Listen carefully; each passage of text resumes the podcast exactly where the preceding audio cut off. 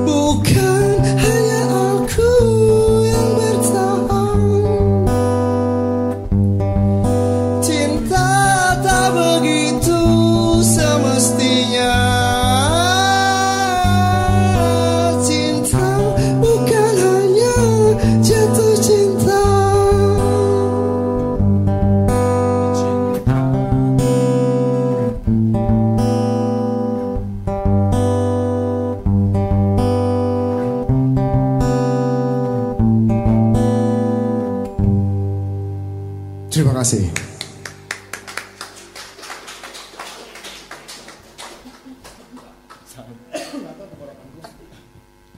Halo pemirsa RRI Net, selamat malam bertemu lagi dengan Deli Tambunan di acara RRI Live Music. Musik ini sebagai media ekspresi bagi para musisi-musisi berpotensi dan RRI menyediakan wadahnya. Salah satunya dengan acara RRI Live Music yang disiarkan dari seluruh Indonesia setiap malamnya. Dan untuk kali ini giliran kita dari RRI Bogor yang menampilkan musisi-musisi berpotensi. Salah satunya ada Akbar Savio yang baru saja menyanyikan lagu pertamanya tadi. Tepuk tangan lu buat Akbar Savio. Dan live dari Caption Resto di bilangan Jalan Sancang Bogor. Ini dia RRI Live Music Bogor, di mana kali ini tidak cuma Akbar yang akan hadir, ada juga band lainnya nanti yang Bogor banget katanya ya, yang bakal tampil setelah Akbar. Tapi sekarang kita ngobrol-ngobrol dulu sama Akbar Savio. Bar, sehat Bar? Alhamdulillah, alhamdulillah. Waduh, Akbar ini sebenarnya penyiar juga. Siaran di RRI mau ya? Bilang sama bos saya. Udah udah apply dari tahun lalu. Udah apply dari tahun lalu, belum dipanggil panggil. dipanggil. Aduh.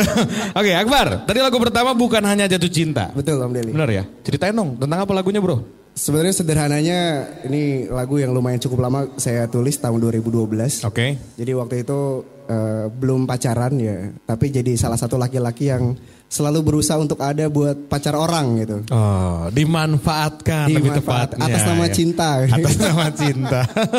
Oke. Akhirnya ketulis lagu tadi ya. Akhirnya tulis lagu tadi karena yang pada dasarnya kan ketika gue cinta ya lu juga harus cinta kan. Oke. Gak cuman gue nih yang harus bertahan gitu kan. Hmm, Tapi di mana posisinya ketika lu harus bertahan dengan kondisi lo yang punya pacar. Tapi lu nggak mau bertahanin pertahanin gue itu ya. Hmm. Cinta nggak cuman harus gue yang bertahan dan cinta nggak cuma jatuh cinta men. Hmm. Cinta itu kan relevan ya. Lu harus ada tapi juga lu harus bisa bijaksana untuk memilih siapa yang pantas buat diri lo sendiri. Cuy. Wow, dalam ya. Harus tegas berarti ya. Oke, berbicara tentang seorang Akbar, sebetulnya kalau misalnya di Bogor, di dunia eh, radio lah ya, nama lu sendiri kan sudah lumayan dikenal Alhamdulillah. sebagai MC ya kan penyiar handal. Nah, ini gimana ceritanya bisa akhirnya meranah ke industri musik independen seperti ini? Eh, sebelumnya eh, lumayan cukup lama gue zaman kuliah ngeband. Oke. Eh, awalnya main bass. Oh main bass. Eh, ngeband ya apa namanya klise sih ya ngeband gitu-gitu aja bandnya pada akhirnya eh, ya udah deh daripada lo nggak mau ngeluarin lagu nggak mau ngeluarin album gue biar gue bikin project sendiri alhasil gue beranikan diri untuk belajar main gitar Oke. Eh, terus belajar nulis lagu dan lagu ini yang pertama kali ketika gue lari dari band ini lagu yang pertama gue bikin bukan aja jatuh cinta ini salah satu Si lagu ini betul menjadi eh, pelopornya. pelopor setelah lagu-lagu berikutnya lagu yang ini Oke, ini lagu pertama tahun Iya. 2012 ya 2012. ditulisnya. Eh, terus gini Bar, tadi kan Akbar ini sebenarnya gini loh pemirsa RRI.net eh sempat nggak pede. betul Bang, tapi kan lagu-lagu gua pelan semua gitu ya. ini padahal justru itu yang dijual. Kenapa sih Bar? Kenapa? Eh, yang pengen gua tanyain, Eh. kenapa akhirnya bikin lagu yang bernuansa seperti itu?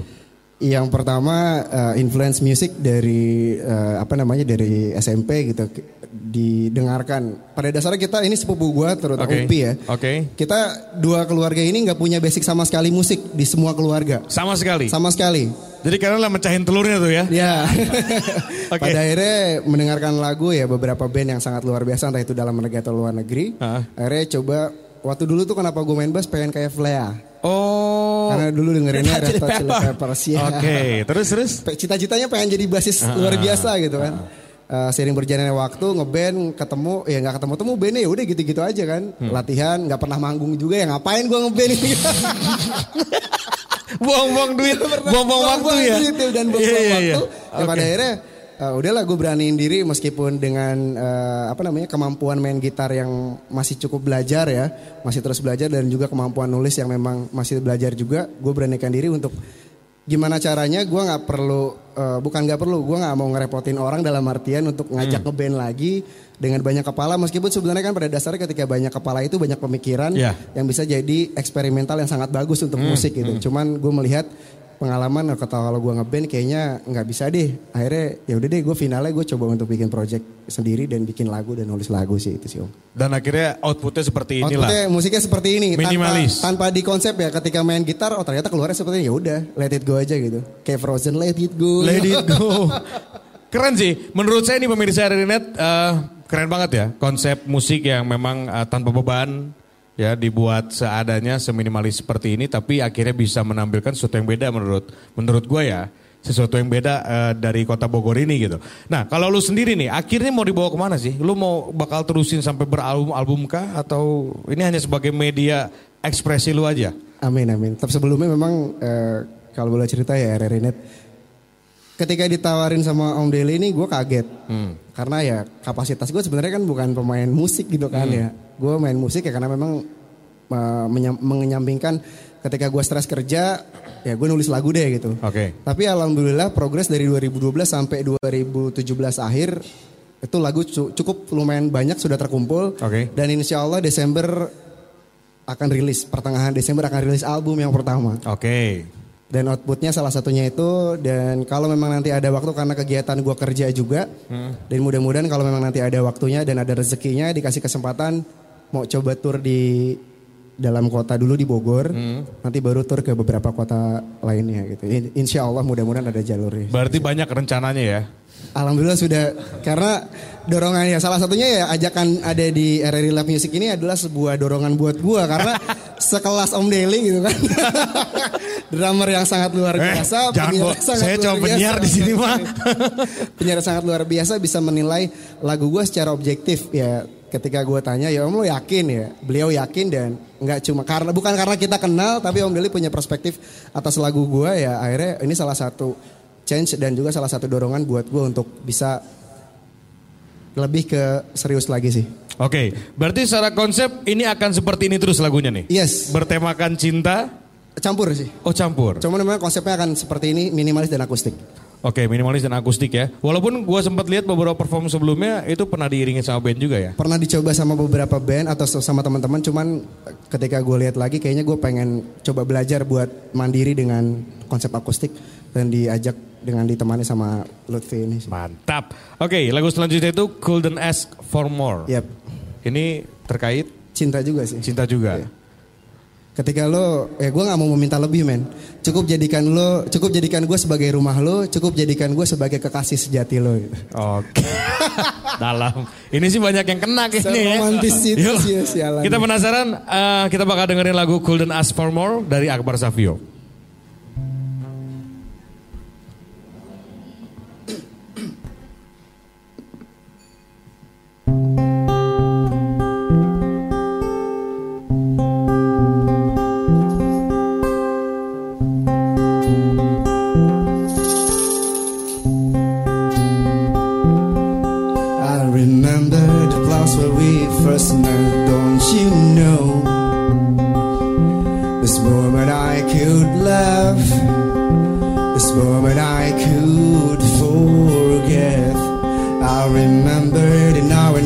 When out, you and I. Count the stars. You and I, we talk till we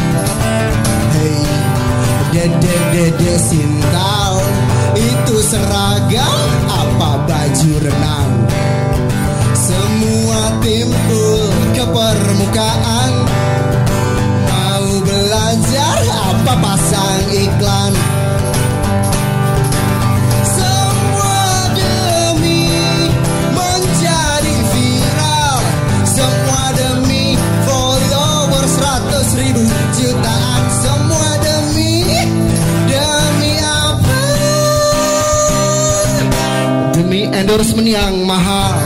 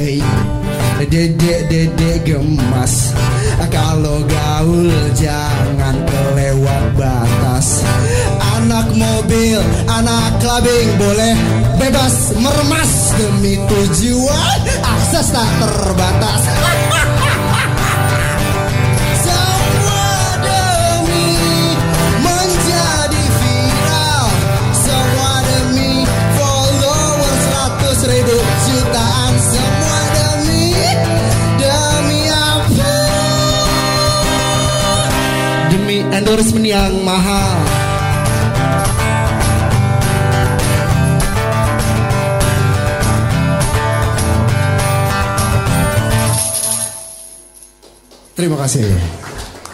Iya itu dia. Akbar Savio. Dedek-dedek gemas. Ini lumayan mencuri perhatian liriknya ya. Karena sesuai dengan realita kalau kalau gue lihat nih Bar.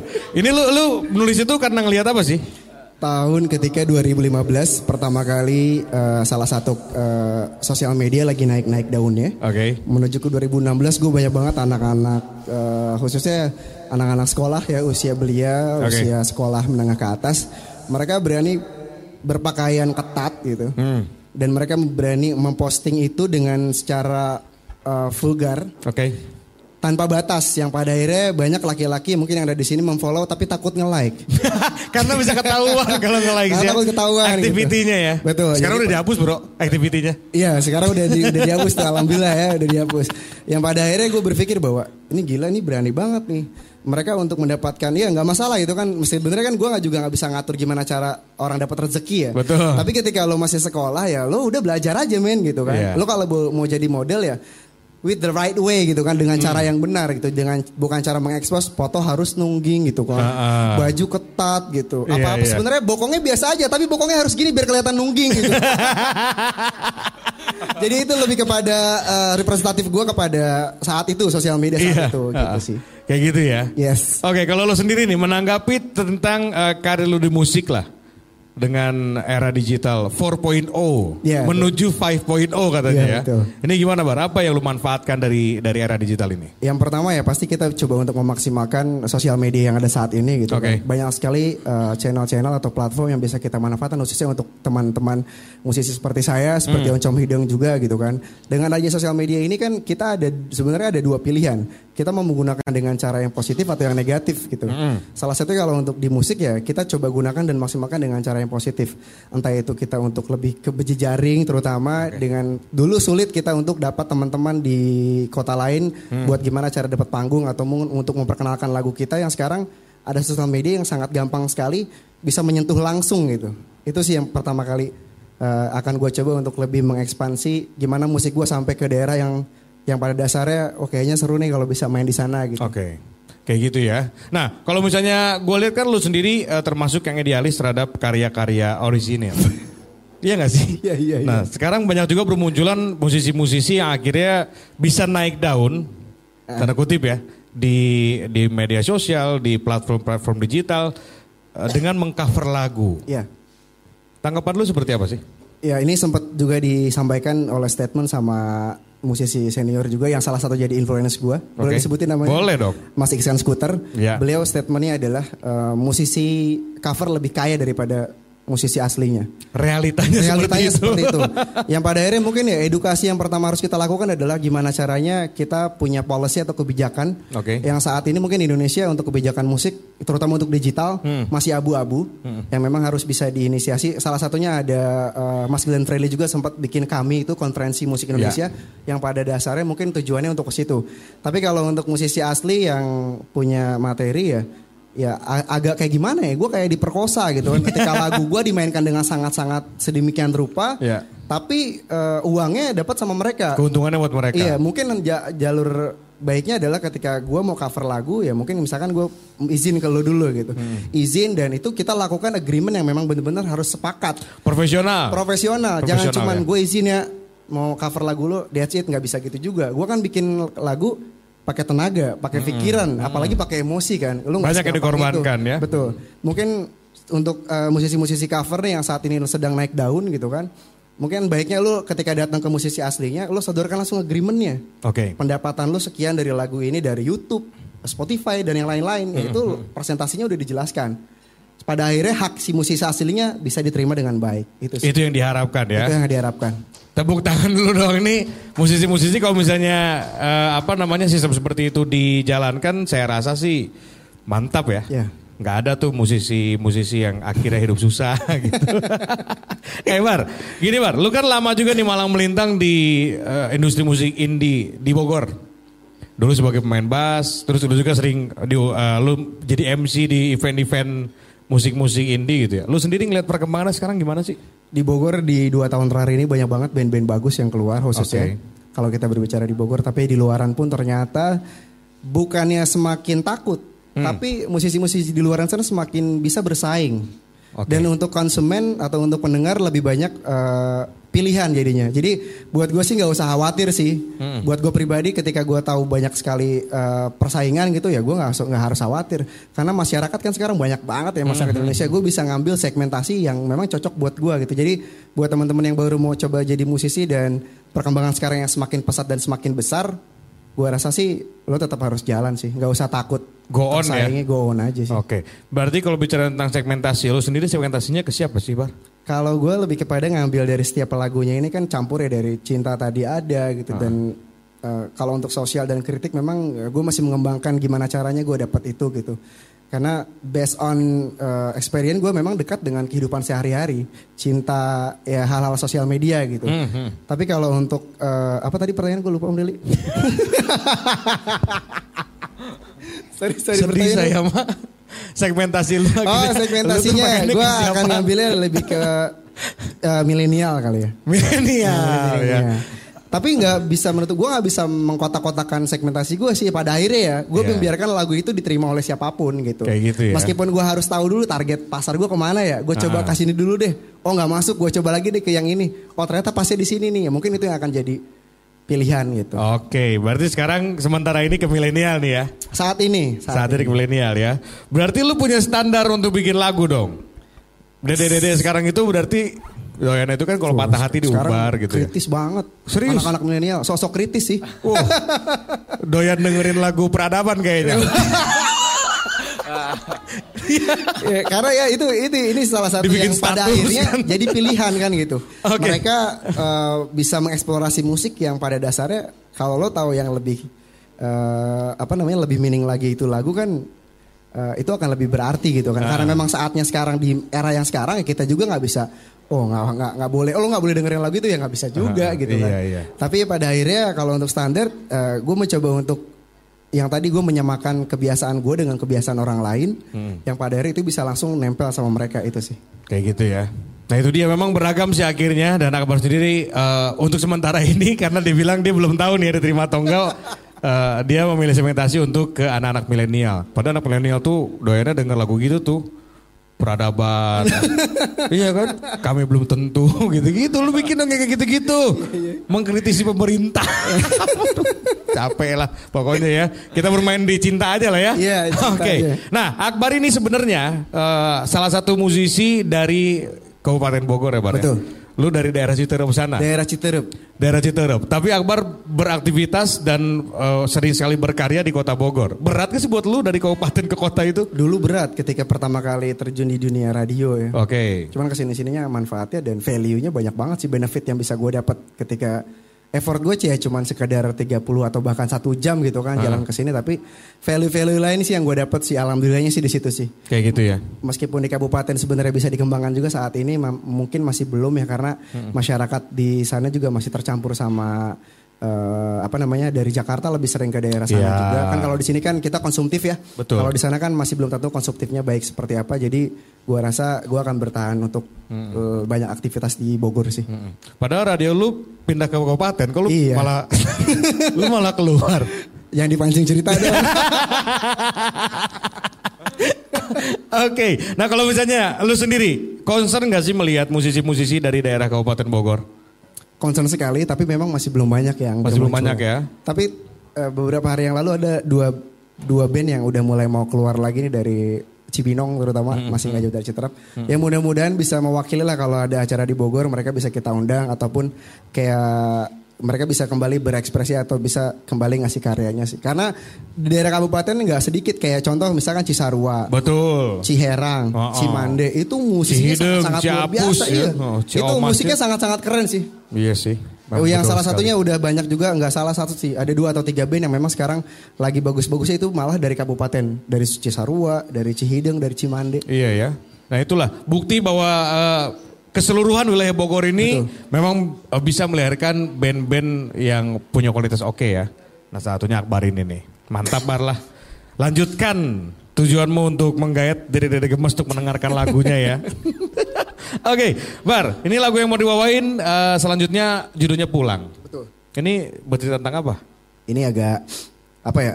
Uh, agak gue merefleksikan diri gue ketika gue mati itu kayak gimana gitu. Okay. Jadi oh ini beneran, beneran berpulang nih ya? Iya berpulang bener-bener literally pulang gitu. Jadi gue okay. mimpi waktu itu gue mimpi tapi gue ngelihat keluarga gue bokap gue tuh kayak pada nangis gue kenapa pas gue masuk ke dalam ruangan oh ternyata gue udah jadi jenazah jadi jenazah representatifnya lagu ini pas saat itu gitu sih lu tulis lah gue tulis lah lagu ini oke okay. yuk kita dengerin sama-sama pemirsa RRI Net ini dia Akbar Safio pulang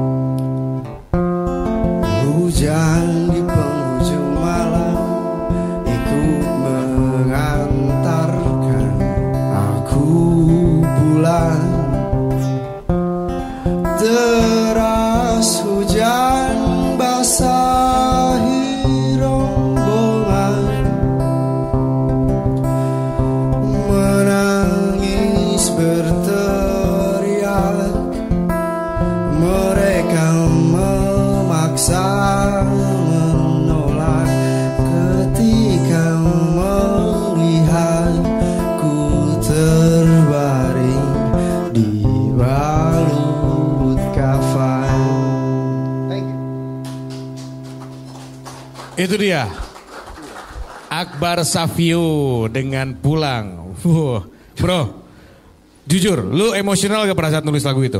Iya. Sangat, emosional. Sangat ya? emosional. Sangat emosional. Selain lagu pulang tadi ada nggak sih lagu yang pernah lu tulis yang yang kayaknya apa kalau kata orang Sunda nyebut mat ayat tertekna gitu apa ya? Tertek gitu kayak. Uh, Gregetnya ya? Nah, ada gregetnya. Hanya di saat ya dari kesekian banyak lagu ya mungkin di lagu ini sih yang paling benar-benar gue paling- bisa tumpahin emosi gue di lagu ini gitu. Kayak gitu ya. Saya jadi takut bikin dosa. Bar, lu ngikutin era sekarang gak sih bikin video lirik gitu sebelum bikin video klip? Belum. Belum ya? Belum. Tapi ada rencana ke situ? Kalau video lirik sebenarnya tahun 2017 itu sempat kepikiran. Sempet ya? Cuman waktu itu yang tadi masih belum pede dengan materi yang gue punya ini wah kayaknya takut dapat respon yang kurang bagus gitu. Ya pada akhirnya ya gue pesimis gitu kan saat itu. Cuman ketika benar-benar ditekatin lagi kayaknya memang harus gue coba karena ketika belum gue coba ya gue nggak akan pernah tahu hasilnya kayak gimana kan gitu. Mungkin nanti akan ada udah disiapin sih beberapa lagu yang nanti akan dijadikan video video lirik ataupun eh, music videonya. Oke. Kalau misalnya album targetnya kapan tuh? Di Desember Eh, ini. Desember tadi udah Desember udah disebutin betul. ya. Eh, terus ada berapa track rencananya? Ke kurang lebih 8 track yang nanti akan gue isi. Langsung album tuh ya. Iya. Lu nggak mau ngikutin band-band lain gitu yang single per single gitu? Yang tadi sih karena banyak dorongan yang positif yang Ya. pada akhirnya udah lo coba dulu lo nggak Oh, akan iya. tahu kan hasilnya gimana ya pada akhirnya ya udah gue akan coba langsung keluar semua. Sikat aja pokoknya ya. Ya kebetulan karena eh, beberapa teman juga mau ngebantu ya kenapa kacang Kenapa gitu kan. enggak ya? Iya. Lagu mana yang kira-kira mau dijadiin jagoannya? Saat ini sih belum karena gue masih mau minta beberapa teman-teman buat hearing. Hmm. Ya salah satunya pasti dari Om Deli nanti single mana yang keluar untuk pertama itu nanti akan jadi pilihan karena nanti gue coba akan lempar dari sekian dari kedelapan lagu itu yang paling pas nih yang mana yang mau dikeluarin gitu. Kayak gitu ya. Iya. Oke, kalau misalnya channel YouTube lo ada? Ada ada Ada channel YouTube ya? Apa tuh? Akbar Savio. Akbar Savio. Iya. Instagram, Facebook. Akbar Savio. Lu- Facebook enggak? Oh, Facebook enggak? ya. Kenapa? Karena Banyak hoax ya di eh, situ ya. apa bukan? Eh, apa namanya? eh, apa kehidupan gua nggak se nggak se nggak sama nih kebutuhan sorry sorry Oke. kebutuhannya gua nggak ada di Facebook Sama kayak gue berarti. Gua juga. kebutuhan gue masih di Twitter di Instagram Ah. sama di YouTube tapi Facebook nggak ada kebutuhan jadi nggak gua nggak gua Oke. ini Namanya Akbar Savio semua ya? Iya, Akbar Savio. Disambung ya? disambung Akbar Disambung jadi untuk eh, kamu yang mau eh, follow Akbar silakan Akbar Savio Instagramnya ada di situ ya. Lu mikirin konten gak sih untuk bermain media sosial? Kal konten saat ini Ah. nggak kalau Enggak ya. saat ini. Lu tapi mempromotkan lagu-lagu lu sendiri ada di situ. beberapa lagu Beberapa lagu Hmm, ya. beberapa Lu main sendiri atau hasil rekamannya? Eh, ada yang main live juga, ada yang gua ambil dari potongan lagu di edit, diedit sederhana buat diposting. Kayak gitu ya. Hmm. Bar, kalau misalnya anggaplah gua mewakili eh, orang-orang lain di luar sana nih yang menyatakan kalau misalnya musisi Bogor itu jarang ada yang sukses. Iya gak sih? Kan kayaknya kalau ketemu sama orang ya Bogor tuh yang sukses cuman Best Jam, Iya. Fade to Black gitu ya. Kayaknya seperti ada kutukan gitu. itu semua nyampe ke gua gitu. Anggaplah gua mewakili mereka-mereka. Lu sendiri gimana menanggapi hal itu? Ya nggak cuma dari band sih. Ya. Contohnya kayak dari dunia kita dari penyiar ya. Hmm. Lu pernah Ini Barens orang Bogor. iya, tapi kan setelah itu Iya sih. ya kan nggak ada lagi kan. ya. Heeh. Gua nggak tahu. Andre Taulani orang Bogor ya. Tapi setelah itu kan nggak ada ya, Nggak tahu. eh, gua nggak tahu apa namanya ada celah di mana. Tapi pada dasarnya kayaknya masyarakat, eh, gue sih nggak mau menyalahkan juga masyarakat Bogor sendiri. Cuman kayaknya kita ketika kita punya karya, masyarakat di kota kita sendiri pun tidak mau mengapresiasi dengan berlebihan. Ketika mereka tahu karya Bogor, sebenarnya kan dari segi musik sangat-sangat luar biasa. Oh, Salah satunya band yang udah bubar itu kan gitu. siapa? yang sempat dapat penghargaan gitu. Eh. Dan Gua kasih tahu ya. Justru bubarin. Baru ketahuan banyak yang suka sama lu tau gak? tapi salah satu chance ketika kita melihat itu ada salah satu band itu yang tidak bisa gue sebutkan gitu kan.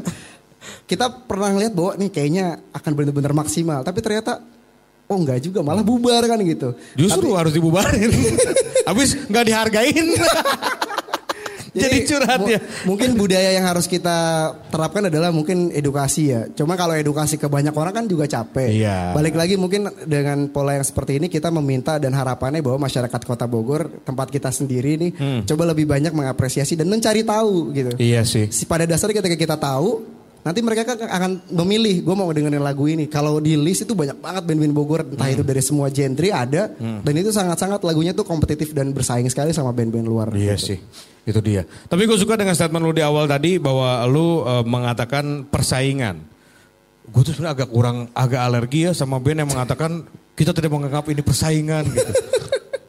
sering kan lu? Lu juga pasti Iya, penyiar iya, sering kan iya. kayak gitu kan? Iya. interview. Kita menganggap semuanya teman.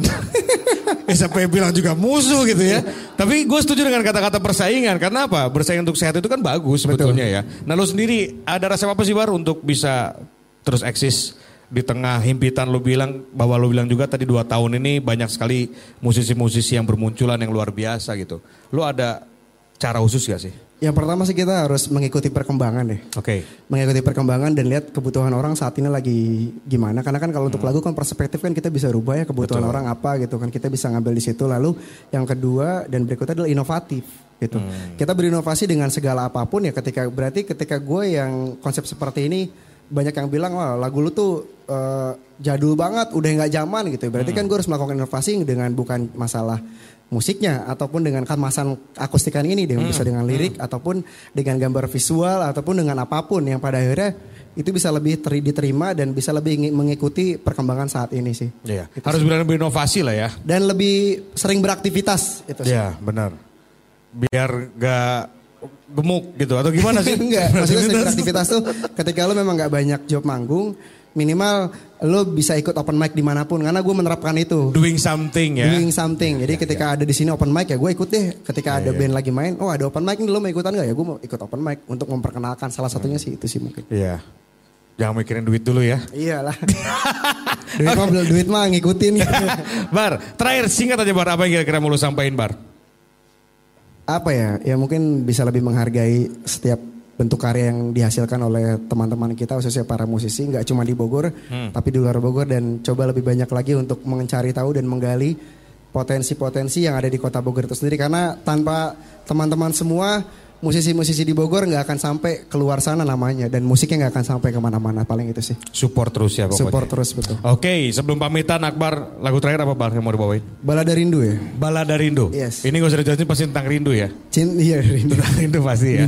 Oke, kalau gitu ini dia uh, penampilan terakhir dari Akbar Savio dengan Balada Rindu. Terima kasih banyak Akbar. terima kasih Om Deli Siapa? Uh, Lutfi Luffy, terima kasih banyak. Jangan kapok kita undang lagi nanti ya untuk acara-acara terima lainnya kasih ya. kita sudah diundang. Oke, ini dia Balada Rindu dari Akbar Savio dan jangan ke mana-mana pemirsa Rerinet. Abis ini saya bakal balik lagi dengan band lainnya.